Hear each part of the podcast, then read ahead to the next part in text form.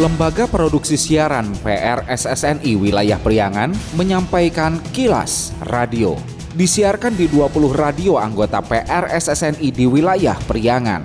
Dan kilas radio edisi kali ini di antaranya mengenai dihantam ombak pasang, perahu nelayan Tasikmalaya rusak, dua lainnya karam.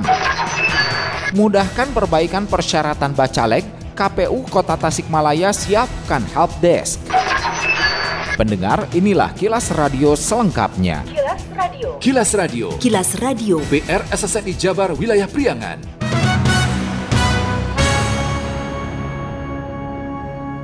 Dihantam ombak besar, perahu nelayan di Dermaga Pamayang Sari Cipatujah Kabupaten Tasikmalaya rusak. Dua lainnya karam Kamis 6 Juli. Menurut Kasat Polairut Polres Tasikmalaya AKP Hari Sakti, ombak besar yang melanda pantai selatan sudah berlangsung selama semingguan sehingga sudah beberapa kali ada perahu yang mengalami kerusakan akibat dihantam gelombang besar di Dermaga Pamayang Sari. Bahkan dua minggu ke belakang sudah ada dua perahu nelayan rusak akibat dihantam ombak. Karenanya pihak Polairut mengimbau masyarakat dan nelayan ber berhati-hati karena faktor cuaca itu. Di minggu-minggu ini sudah terjadi beberapa kali hantaman angin kencang terhadap perahu nelayan. Bahkan dua minggu ke belakang ada dua unit eh, perahu nelayan ketika kembali mereka didorong ombak dan menghantam dermaga tidak ada korban jiwa tidak ya? Alhamdulillah tidak ada. Lingkungan dermaga sampai saat ini masih aman-aman saja, namun peningkatan dari arus gelombang memang cukup tinggi.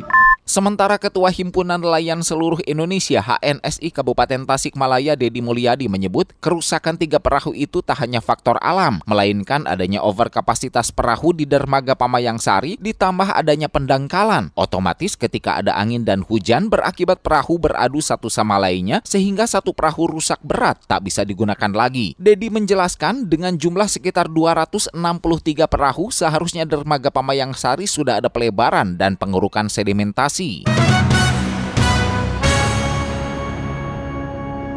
Info Pemilu Info Pemilu Persembahan PR SSNI Jawa Barat KPU Kota Banjar saat ini tengah melaksanakan koordinasi, supervisi, dan asistensi KSA untuk melayani dan memberikan pelayanan kepada seluruh partai politik parpol peserta pemilu yang saat ini tengah melakukan perbaikan hasil verifikasi administrasi yang selesai dilaksanakan. Dalam rentang masa perbaikan persyaratan dokumen Bacaleg, KPU Kota Banjar selain menerima KSA di kantor KPU juga melakukan kunjungan ke parpol. Menurut Kadif Teknis Penyelenggaraan Pemilu dan Pemilihan KPU Kota Banjar, Muhammad Wahab Hasbullah, hingga Rabu 5 Juli KPU Kota Banjar bersama tim helpdesk-nya baru melakukan KSA ke 6 parpol dari 14 parpol peserta pemilu 2024. Wahab saat kunjungi kantor DPC PDIP Kota Banjar Kamis 6 Juli 2023 menyebut KSA disesuaikan berdasar kesiapan parpol, di antaranya yang telah dilakukan Partai Hanura, PKB, Gelora, Demokrat,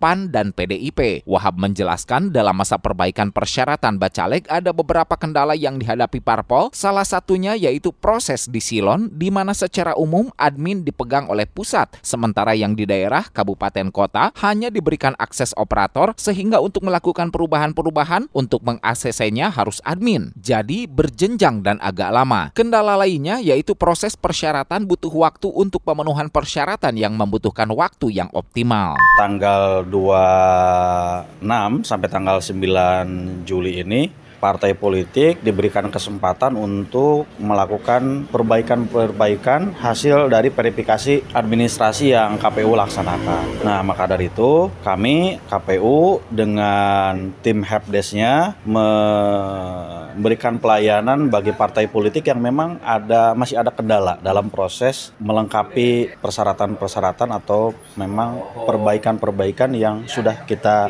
lakukan dulu permin gitu. Kilas Radio. Kilas Radio. Kilas Radio. PR SSNI Jabar Wilayah Priangan. Bila Anda mendapatkan hal-hal atau peristiwa penting untuk diliput oleh tim Kilas Radio, hubungi hotline servis kami, SMS atau WA ke nomor 0813 2424 5911 0813 2424 5911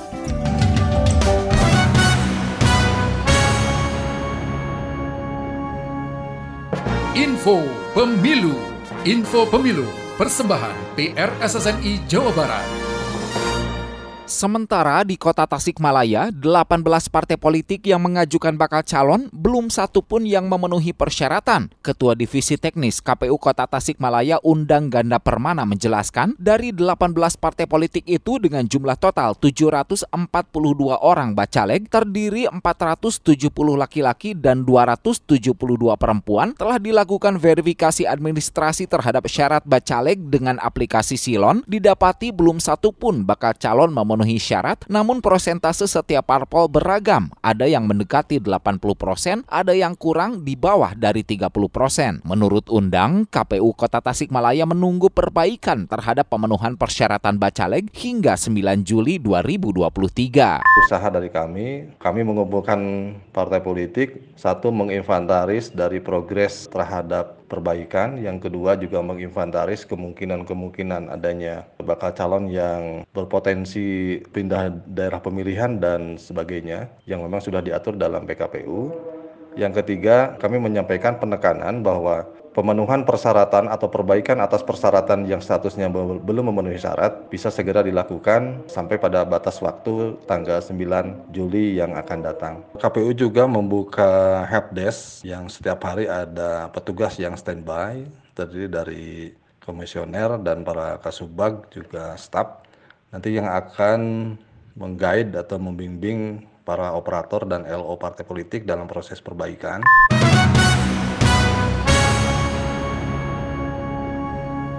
Di halaman Mapolres Tasikmalaya, Pasar Murah digelar dalam rangka hari ulang tahun Bayangkara ke-77. Berbagai bahan kebutuhan dijual dengan harga terjangkau. Kartini, warga Mangunreja Singaparna yang beli beras dengan harga Rp40.000 per 5 kg, mengapresiasi Polres Tasikmalaya yang mengadakan pasar murah. Menurutnya, harga sangat murah dan dapat meringankan masyarakat. Beli beras. Beli beras.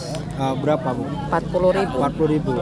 Alhamdulillah lah membantu. Apa aja Bu yang di Iya, daging, minyak, telur. Sementara Kapolres Tasikmalaya AKBP Suhardi Heri Herianto mengatakan dengan pasar murah ini dapat mendekatkan masyarakat untuk membeli kebutuhannya tanpa harus jauh. Menurut Heri, selain itu juga menstabilkan harga pasar bahan pokok seperti beras medium dijual dengan harga Rp45.000 per 5 kg, telur dijual Rp29.000 per kilo, sedang daging ayam dijual Rp35.000 per kilogram. Bahan-bahan sembako yang uh, diperjualbelikan di sini. Jadi alhamdulillah masyarakat Kabupaten Tasikmalaya khususnya di Kecamatan Mangunreja ini antusias membeli uh, kebutuhan-kebutuhan pokok yang mana harganya ini juga alhamdulillah syukur harganya terjangkau dan stabil. Hal sama juga diungkapkan Julius Aprilian, staf Bank Indonesia Kantor Perwakilan Tasikmalaya. Ia mengatakan kegiatan adalah bentuk dari program Gerakan Nasional Pengendalian Inflasi Pangan yang merupakan pengendalian di daerah dengan pangan. Pasar murah ini merupakan bagian dari Gerakan Nasional Pengendalian Inflasi Pangan yang memang merupakan kegiatan untuk pengendalian inflasi yang bisa kita lakukan di daerah yaitu inflasi pangannya. Karena dua ataupun dua kelompok selain inflasi pangan seperti inflasi inti dan juga inflasi dari administered price itu lebih banyak dipengaruhi oleh kebijakan pusat gitu ya dan juga tarif-tarif yang ditentukan oleh pemerintah pusat. Jadi ini yang bisa kita lakukan. Kilas Radio. Kilas Radio. Kilas Radio. PR SSNI Jabar Wilayah Priangan. Sekian Kilas Radio. Saya Dido Nurdani beserta tim Kilas Radio Priangan. Salam PRSSNI. Kilas, Kilas. Radio.